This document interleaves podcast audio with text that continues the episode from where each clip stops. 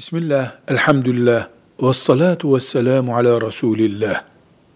Amin. Kabul et Allah'ım demektir. Fatiha suresi mesela olduğu gibi kulun Rabbine yalvarması olduğundan Fatiha suresi bittiğinde namazda da olsak, dışarıda da olsak amin deriz.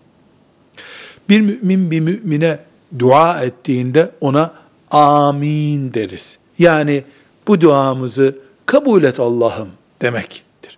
Ümmeti Muhammed'in duasında kullandığı farklı bir ifadedir bu.